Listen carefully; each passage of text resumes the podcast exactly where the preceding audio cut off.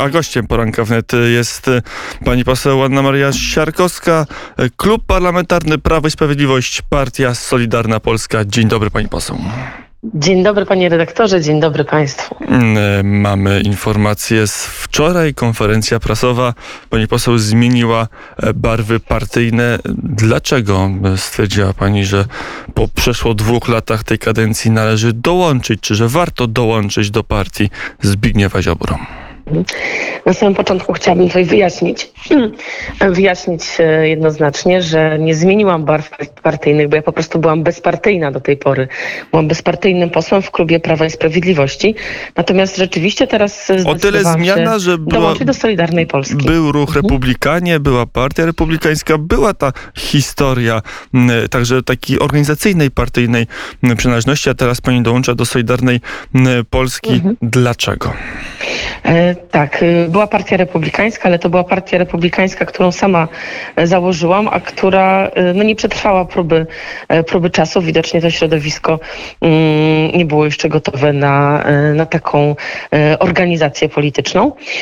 Natomiast ta, ta partia, która, do której dzisiaj dołączyłam, do której teraz dołączyłam, czyli Solidarna Polska, to przede wszystkim no, z Solidarną Polską od dawna łączyły mnie wspólne, wspólne wartości i wizja Polski e, suwerennej, e, demokratycznej, e, Polski niepodległej i zdecydowałam się do Solidarnej Polski dołączyć. To widać było zresztą w, w ciągu ostatnich lat mojej pracy parlamentarnej, że w wielu głosowaniach takich ważnych dla Polski, w których no nie było tutaj jedności w Zjednoczonej Prawicy, ja głosowałam tak jak Solidarna Polska, choćby tutaj warto przypomnieć piątkę dla zwierząt, warto przypomnieć głosowanie w sprawie suwerenności Polski, Krajowego Planu e, Odbudowy. Warto również e, pamiętać o tym, że to Solidarna Polska e, bardzo mocno wspierała moje działania ukierunkowane na rzecz ochrony praw i wolności obywatelskich w czasie,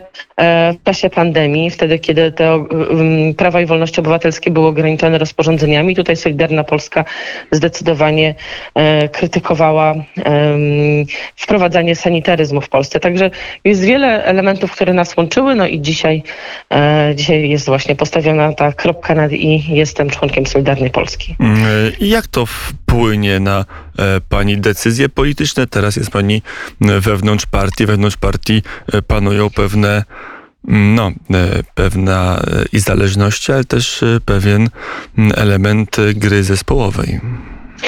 Oczywiście w ramach, w ramach działania drużynowego na pewno można zrobić dużo więcej niż, e, niż pojedynkę. Jestem tego świadoma i dlatego cieszę się, że mogę dołączyć do drużyny Solidarnej Polski. Podczas e, pracy parlamentarnej zauważyłam, że posłowie Solidarnej Polski e, to nie tylko osoby, które, które ideowo są mi bliskie, ale to również osoby, które są bardzo pracowite i które tworzą taką mm, wspólnotę polityczną w Sejmie opartą na wzajemnym szacunku e, i dialogu, opartym o merytoryczne argumenty. Myślę, że tego w Zjednoczonej Prawicy jednak dzisiaj e, brakuje. E, gdyby taka postawa była powszechna, można by było uniknąć wielu, wielu nieporozumień, a także po prostu tworzyć lepsze prawo. A dlaczego Solidarna Polska, a nie Prawo i Sprawiedliwość? Właśnie dlatego, bo jest inna kultura organizacyjna chociażby. E, I Na czym polega powodu... ta inna, inna kultura? To ta kultura organizacyjna, o której przed chwilą wspomniałam, czyli e, to nastawienie na, e, na dialog, na merytoryczną debatę. Ludzie w Solidarnej Polsce, członkowie Solidarnej Polski rozmawiają ze sobą i przekonują się, dochodząc, dochodząc do, do, do wspólnych wniosków w różnych A w Prawie i Sprawiedliwości tak nie ma? No, tak jak powiedziałam, ta debata jest bardzo mocno y, ograniczona, debata wewnętrzna i myślę, że y, no, nie dla wszystkich to jest y, taki mm, wzór pracy poselskiej czy pracy politycznej, który jest im bliski. Ale koniec końców lądujecie w jednym klubie i decyzje zapadają na posiedzeniu klubu, którego szefem jest wicemarszałek Ryszard Terlecki, więc i tak ta inna, lepsza, pani zdaniem, kultura organizacyjna, kultura pracy w Solidarnej Polsce i tak potem jest kanalizowana w klubie, gdzie rządzi Prawo i Sprawiedliwość. Panie redaktorze, no warto pamiętać, że tak jak powiedziałam, w wielu sytuacjach takich ważnych dla Polski, posłowie Solidarne Polski, jeżeli uważali, że, że to jest y, materia y, istotna y, i taka można powiedzieć krytyczna, no to głosowali inaczej niż nasi koledzy, to jest z Prawa i Sprawiedliwości. Natomiast oczywiście staramy się, to nie ma nic dziwnego, to stanowisko polityczne ujednolicać i ujednolicać na tyle, żeby te głosowania w ramach Zjednoczonej Prawicy były wspólne, bo na tym polega, na tym polega koalicja.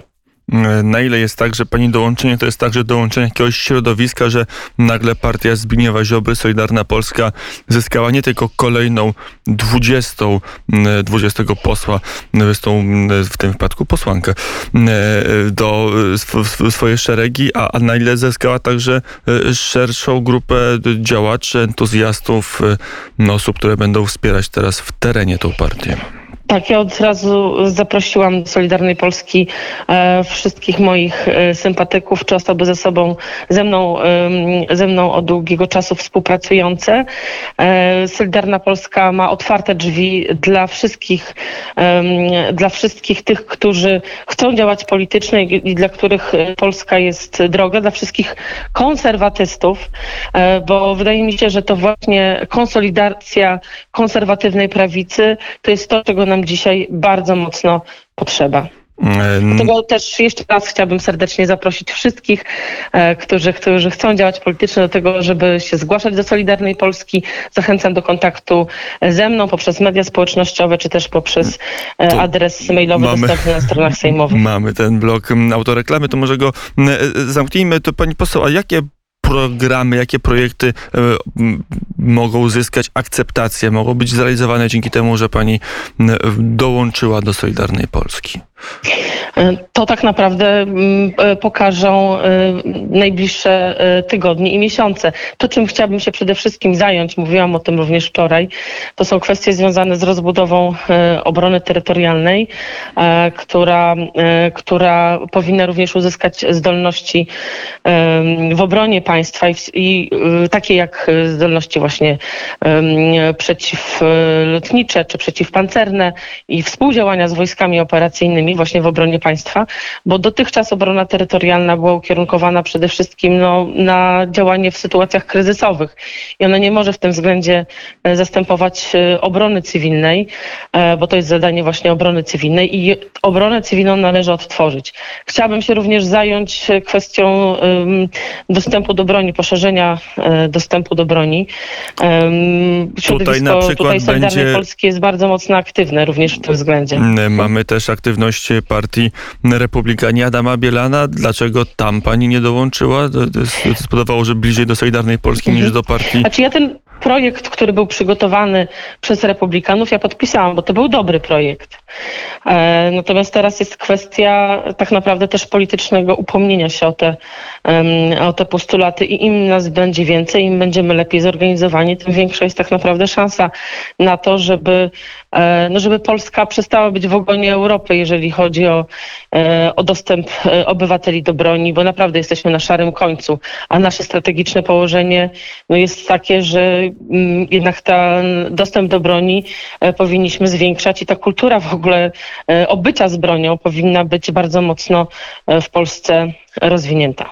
Mm, pani poseł, to jeszcze zostając w tych elementach czysto politycznych, Pani dołączenie do partii Solidarna Polska to coś zmienia w układach koalicyjnych? To jest tak, że to jest element, który będzie teraz ważył na współpracy między Solidarną Polską a Prawem i Sprawiedliwością? E, znaczy, panie redaktorze, tutaj mm, nie wiem, e, trudno jest mi odpowiedzieć na to pytanie w sytuacji, kiedy tak naprawdę nie zmieniło się, jeżeli chodzi o sam klub, o koalicję, nie zmieniło się nic, no bo dalej jestem członkiem klubu e, Prawa i Sprawiedliwości A jedyne co się zmieniło to to, że nie jestem już bezpartyjna, tylko jestem członkiem Solidarnej Polski. Ale pewnie zauważyłaby pani myślę, poseł, że to, że to dołączenie mhm. odbyło się w momencie, kiedy trwa dość silny spór na temat likwidacji Izby Dyscyplinarnej między Solidarną Polską a Prawem i Sprawiedliwością, że czas chyba i moment nie jest przypadkowym. Mhm. Czy spory y, pomiędzy mm, Solidarną Polską a naszym tutaj głównym koalicjantem od czasu do czasu e, rzeczywiście e, wybrzmiewają i to dobrze, bo dobrze, żeby konserwatywna e, prawica nieco korygowała kurs głównej partii, żeby za bardzo nie zmierzała ta w kierunku centrowym. Natomiast y, trzeba tutaj wyraźnie podkreślić, że nasze nasze rozmowy, rozmowy z Solidarną Polską, pomiędzy mną a e, liderami Solidarnej Polski, panem ministrem Zbigniewem Ziobro, były tu już prowadzone przez wiele miesięcy, także to nie jest tak, że to jest jakaś decyzja z e, ostatnich dni. Mm, a czemu nie Konfederacja? Sanitaryzm, kwestia COVID-19, to chyba nawet pani byłoby bliżej do, do Konfederacji niż do klubu parlamentarnego Prawa i Sprawiedliwości, a nawet dla części czy większości członków Solidarnej Polski. Kilka innych elementów też można byłoby pokazać, że chociażby też dostęp do broni, no to Konfederacja e, zawsze była za i to dość liberalnie. Dlaczego nie do tamtego koła, tylko do, do Solidarnej Polski? Mhm. Czy po pierwsze Konfederacja jest partią, e, partią e, opozycyjną. Jestem członkiem Klubu i Sprawiedliwości i z tych z list e, Prawa i Sprawiedliwości zostałam wybrana do Sejmu. Po drugie, w Konfederacji rzeczywiście mam wielu znajomych i, i osób, które znam od, od wielu lat, w szczególności osób ze środowiska narodowego. Natomiast są tam również osoby, których dzisiejsza retoryka odnosi odnośnie konfliktu y, z Rosją w moim przekonaniu jest absolutnie e, nie do przyjęcia. Jakakolwiek postawa taka prorosyjska w sytuacji, w której dzisiaj jesteśmy, jest dla wielu nie do zaakceptowania. Zresztą to widać również po poparciu Konfederacji. A Konfederacja jest prorosyjska? ja nie powiedziałam, że Konfederacja ale myślę, że niektóre osoby taką niestety, taką niestety retorykę e, ostatnio stosują i to samej Konfederacji, środowisku, które jest bardzo również zacne, część środowiska Konfederacji naprawdę jest zacnych i, i, i e, szkoda, żeby ten cały też potencjał, który został tam e, zbudowany, był marnowany takimi nieodpowiedzialnymi wypowiedziami niektórych osób. Będzie pani zachęcać konfederatów do przechodzenia do Solidarnej Polski? Panie redaktorze, trudno chyba byłoby tutaj e, w obecnej sytuacji e, zachęcać członków opozycji do, e, do wstąpienia do klubu koalicyjnego, ale jak najbardziej, no, jeśli. To się jeśli zdarza, jest pani taka, poseł, to nic nadzwyczajnego jest, w historii byłaby taka szansa, to jak najbardziej, jak najbardziej oczywiście. Drzwi do Solidarnej Polski są dla wszystkich e, otwarte e, i w szczególności również dla e, tych działaczy, dla tych osób, które są jednak jednak nieco y, zawiedzione no właśnie tymi niektórymi nieodpowiedzialnymi wypowiedziami prorosyjską postawą niektórych y, z liderów Konfederacji. To jeszcze tylko nazwijmy których. No. Panie redaktorze, myślę, że to nie potrzeba. No, tego nie, robić. No. Każdy, każdy sam niech to, y, niech to oceni, jaka pani, jest sytuacja, każdy widzi. Pani poseł Umyka, Grzegorz Braun jest prorosyjski czy nie? E, panie rektorze, wiele wypowiedzi pana Grzegorza Brauna uważam za bardzo mocno nieroztropne i niestety e, w obecnej sytuacji dla Polski e, szkodliwe. Jeszcze jedno pytanie o Solidarną Polskę. Będzie, będą kolejne transfery, bo o tym się mówi w korytarzach sejmowych? E, być może, to jest nie, nie, absolutnie e, niewykluczone. E, pamiętajmy tylko, że też Solidarną Polskę obowiązuje wciąż umowa, zgodnie z którą mm, no, posłowie, którzy są członkami Prawa i Sprawiedliwości, czy też w ogóle członkami jakiejś partii, tak, nie, że nie ma przejść pomiędzy partiami wewnątrz klubu Zjednoczonej Prawicy. No i być może to by ta umowa nieco utrudnia ten przepływ, ale jest wielu posłów, którzy rzeczywiście, no myślę, że tak z pewnym utęsknieniem patrzą na tą kulturę organizacyjną w Solidarnej Polsce, e, której no niestety w całej Zjednoczonej Prawicy e, trochę brakuje.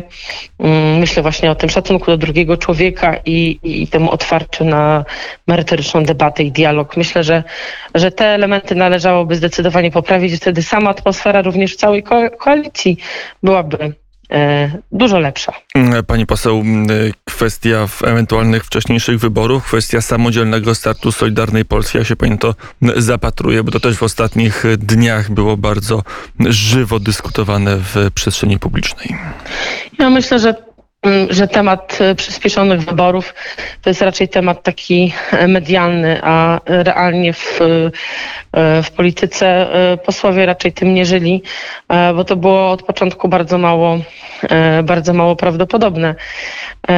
Myślę, że Polacy nam dali mandat na to, żebyśmy mm, w sposób odpowiedzialny dokończyli, e, dokończyli kadencję, zwłaszcza, że przecież e, Zjednoczona Prawica ma większość w Sejmie, taką większość, która pozwala na na samodzielne rządzenie. Nie ma żadnych powodów do tego, żeby organizować w takim razie przyspieszone wybory. A następne wybory, które się odbędą albo szybciej, albo pewnie, tak jak pani poseł powiedziała, w terminie konstytucyjnym, czyli na jesieni roku przyszłego koncepcja wspólnych list, czy może jednak, skoro macie 20 posłów, to dużo, to nie, niewiele, niewiele mniej niż ma Lewica czy, czy Koalicja Polska, czy nie, nie, nie ma takiej możliwości, żeby tą unikalną kulturę pracy, merytorykę i szacunek do, do, do, do parlamentarzystów, do ich różnych zdań e, przekuć na własny, samodzielny start w wyborach. Mhm. Myślę, że żadna opcja nie jest oczywiście wykluczona, e, aczkolwiek e, ta współpraca z, z Prawem i Sprawiedliwością, przepraszam, ta współpraca z Prawem i Sprawiedliwością mamy nadzieję, że będzie kontynuowana. Niemniej jednak, jeśli by, jeśli by w, sytuacja się zmieniła, to w grę wchodzi każdy scenariusz. Ja myślę, że najważniejsze dzisiaj też jest to, żeby e, konsolidować konserwatywną e, prawicę i tym dzisiaj zajmuje się e, Solidarna Polska, poszerzając swoje struktury i zapraszając wszystkich, którzy chcą współdziałać do wstąpienia do Solidarnej Polski i do, i do działania na rzecz dobra Polski i Polaków. Pani poseł, też dwa pytania merytoryczne, już e, tam mniej polityki partyjnej, więcej tej polityki związanej z konkretnym działaniem. Anna Maria Siarkowska, posłanka Klubu Parlamentarnego Prawo i Sprawiedliwość od wczoraj w Solidarnej Polsce partii Zbigniewa Ziobro. Sanitaryzm i kwestia prorosyjska. Obserwowałem w pierwszych dniach wojny pani obecność w mediach społecznościowych, aktywność na Twitterze chociażby i tam pewne boje, że osoby, które były pani e, bliskie, jeżeli chodzi o podejście do pandemii. Nagle się okazało, że e, podzielają także bardzo mocno prorosyjski punkt widzenia na wojnę na Ukrainie i była pani trochę nawet aż zszokowana, jak wiele tych osób, z którymi pani szła pod rękę w czasie pandemii. Okazało się, że e, w innych kategoriach mają dziwne poglądy. Na ile to panią zdziwiło, na ile to pokazało, że może była pewne, pewne połączenie prorosyjskiej narracji w pandemii i teraz y, przy wojnie na Ukrainie? Mhm. A czy jedno trzeba wyraźnie tutaj podkreślić, że trzeba odróżnić rzeczywiste osoby od y, y, po prostu botów czy od rosyjskich y, troli, od troli, którzy piszą na, na zamówienie. I jeżeli chodzi w ogóle o sytuację w trakcie pandemii, to tutaj trole działały po obu stronach sporu. Bo y, jeżeli w ogóle mówimy dzisiaj o inspiracji y, rosyjskiej i o, wpływ, y, o wpływaniu na debatę publiczną w Polsce, także w, w obszarze pandemii, to opcja rosyjska, czy interesy rosyjskie były takie, żeby być aktywnym po obu stronach sporu, bo tak naprawdę nie o meritum sporu tutaj Rosji chodziło, ale o to, żeby dolewać oliwy do ognia, żeby konfliktować naród wewnętrznie, żeby Polacy sobie skakali do gardeł, a wobec czego nie chodziło tutaj o merytoryczną mm, rację, o to, czy y, y, należy ograniczać prawa i wolności obywatelskie, y, łamiąc prawo, czy też należy tych praw i wolności obywatelskich bronić i, i, i, bronić zasad konstytucyjnych, demokratycznego państwa. Tak naprawdę meritum sporu tutaj y, nie było dla, ale nie wiem, czy dla jest rosyjskich istotne, ale to jest pełna symetria. Wydaje mi się, że jednak tam główny nacisk był y, na krytykę działania rządu, którą pani się włączyła i potem te same konta Panie realne albo nierealne nie płynnie sposób, bo... przeszły do atakowania Ukrainy i szerzenia rosyjskich Chciałabym narracji. zwrócić jedną uwagę na jedną rzecz. Osoby takie, e, które e, teoretycznie krytykowały rząd w czasie pandemii, takie jak jeden z e, pato E, e, youtuberów.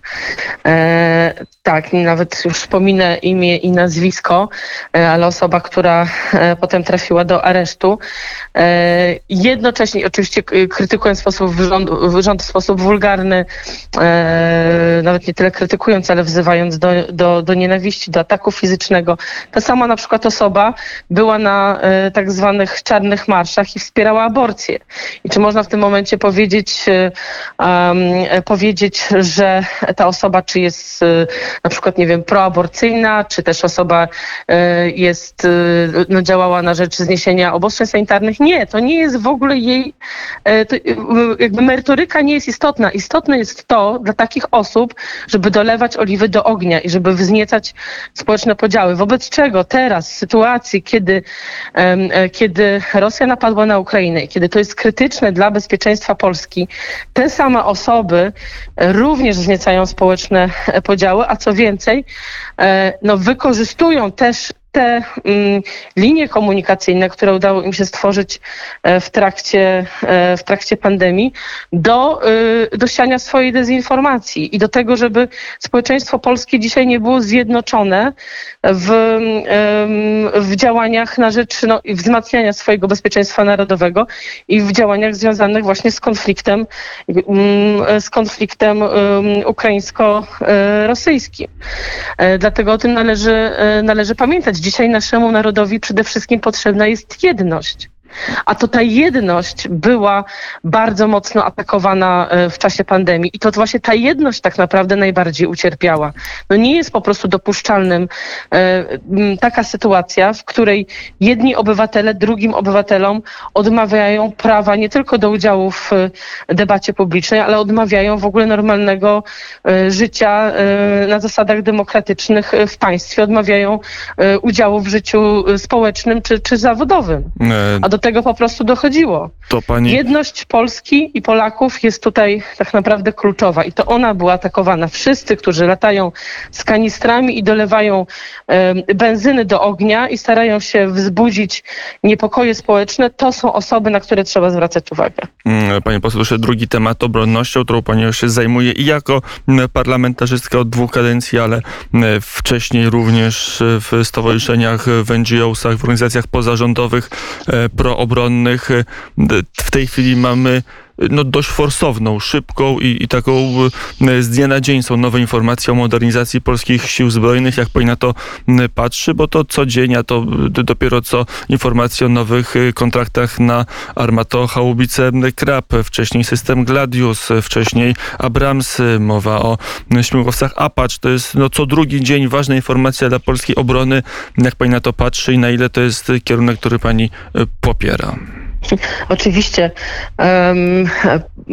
modernizacja polskiej armii e, i dozbrajanie polskiej armii jest dzisiaj sprawą e, kluczową. I dobrze, że też e, w ramach pewnego konsensusu politycznego przegłosowaliśmy zwiększenie wydatków na armię.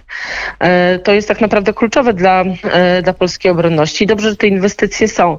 Pamiętajmy jednak, że większość tych zakupów jest jednak e, dokonywana na zasadzie takiego kupna, e, kupna jednak spółki.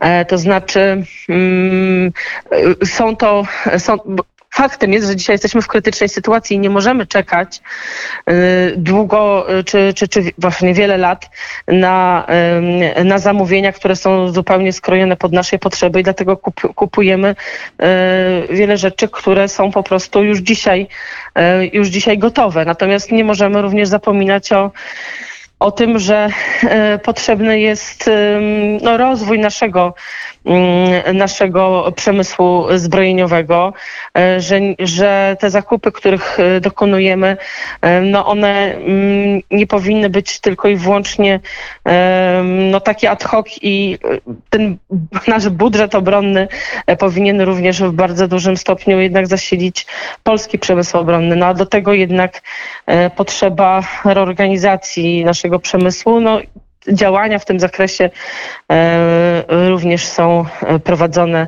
w ramach Zjednoczonej Prawicy. E, powstaje właśnie Agencja Uzbrojenia. No, mamy nadzieję, że to się przełoży na poprawę kondycji polskiego przemysłu zbrojeniowego. Mm, kwestia żołnierzy, kwestia wojsk obrony terytorialnej, mm, jak wygląda, bo są mm, wątpliwości, czy te wojska są odpowiednio używane, że one zbyt często, a to albo bronią granicy, co może to, to, to jest powiedzmy słuszne, no ale też są bardzo często wykorzystywane przy klęskach żywiołowych, a, a mniej czasu spędzają na poligonach, mniej czasu przygotowują się do takiej realnej e, walki na nowoczesnym polu bitwy. Faktem jest, że Wojska Obrony Terytorialnej bardzo się e, sprawdzają w sytuacjach e, kryzysowych i bez, e, bez wotu, bez tej decyzji o powstaniu Wojsk Obrony Terytorialnej naprawdę bylibyśmy dzisiaj w dużo gorszej sytuacji. I wszystkim tym, którzy, którzy są żołnierzami obrony terytorialnej i którzy swoje wysiłki no, angażują w, w bezpieczeństwo narodowe dzisiaj, w, w tym krytycznej sytuacji, w której jesteśmy, to należy się y, absolutnie tutaj podziękowanie i uznanie. Natomiast musimy rzeczywiście pamiętać o tym, że Wojska Obrony Terytorialnej nie mogą być taką formacją, która wypełnia wszystkie dziury w systemie bezpieczeństwa e, wewnętrznego, czy też szerzej narodowego. E, obrona cywilna to jest formacja, która powinna absolutnie tutaj powstać i, e, i odciążyć Wojska Obrony Terytorialnej od zadań, które tak naprawdę wojsko nie musi dokonywać, bo są to zadania o charakterze, o charakterze cywilnym. Co więcej, w sytuacji konfliktu zbrojnego, ewentualnego, mam nadzieję oczywiście, że do niego nie dojdzie, ale formacja wojskowa nie może spełniać zadań obrony cywilnej, ponieważ formacja wojskowa, e, zgodnie zresztą z prawem międzynarodowym, no, będzie e, celem e, ataku, a obrona cywilna, mm, właśnie według też konwencji, konwencji genewskich, no, obrona cywilna E, takim przedmiotem ataku by nie była, bo ona jest właśnie, jak sama nazwa wskazuje, formacją cywilną, e, co do zasady nieuzbrojoną.